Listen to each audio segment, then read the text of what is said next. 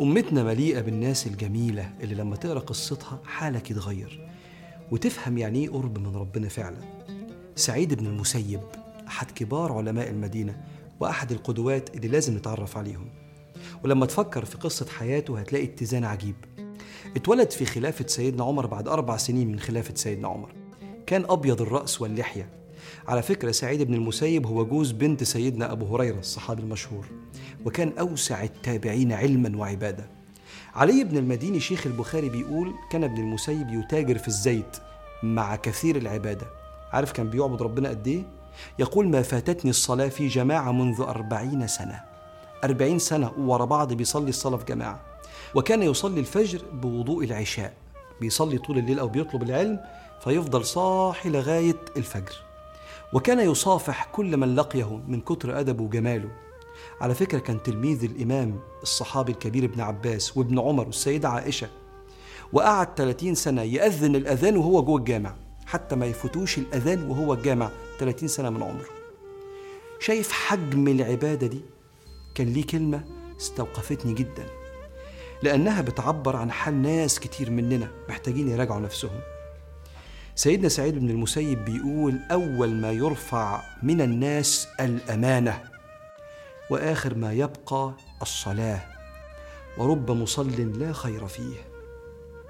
قعدت أفكر في كلامه شخص بيصلي مرفوع منه الأمانة. إزاي واحد مننا ممكن يكون بيصلي وبيخون الأمانة فيكون لا خير فيه؟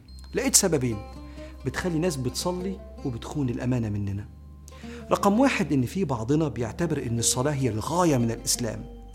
فلما يحقق الغاية ويكون بيصلي يشعر بالرضا عن نفسه فيبدأ يستصغر أي ذنب بعد كده ما دام بيصلي. والحقيقة أن الغاية هي رضا الله. والصلاة وسيلة بتتقرب بها لربنا وهي حالة بتستمد فيها من أنوار الله عشان تعيش بيها في الحياة. أما الله فقال عن نفسه إن الله لا يحب من كان خوانا أثيما.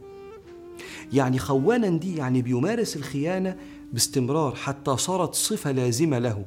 فبيخون الأمانة في الشغل ويخون الأمانة في فلوس الدروس شباب الطلاب يخون الأمانة في الحفاظ على مراته أو هي تخون شرف جوزها. باستمرار فيبقى خوان ربنا مش بيحب كده. فأول سبب يخلي واحد ممكن يكون بيصلي ولا خير فيه بسبب خيانة الأمانة إنه فاكر إن الصلاة هي الغاية. فيبيح لنفسه كل غلط بعد كده ما دام بيصلي. السبب التاني لما قعدت أفكر لقيت إن في ناس كتير مننا بتصلي لكن عنده تفرقة خاطئة ما بين خيانة الخلق وخيانة الخالق وده خلل كبير. خيانة الخلق هي خيانة للخالق لأن ربنا سبحانه وتعالى أمرنا بمعاملته في العباد. قال فلا تخافوهم وخافوني إن كنتم مؤمنين. ما تخافش بس إن العبد يكتشف خيانتك. فيزعل منك. خاف من ربنا كمان لو كنت مؤمن برؤيته وسمعه ليك.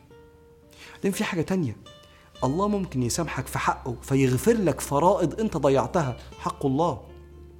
لكن حقوق العباد هيطالبك بيها الديان بكرة. عشان كده هو ده المسلم سعيد بن المسيب وأمثاله اللي بنحلم بيه. اللي بيراعي حق الله في الصلاة أربعين سنة ما تفوتوش صلاة الجماعة وفي نفس الوقت يراعي حق العباد مراعاة حق الله في الصلاة وحقوق العباد في الحياة. فاللهم اجعلنا ممن استجابوا لندائك وممن راعوا في الدنيا حقوق عبادك.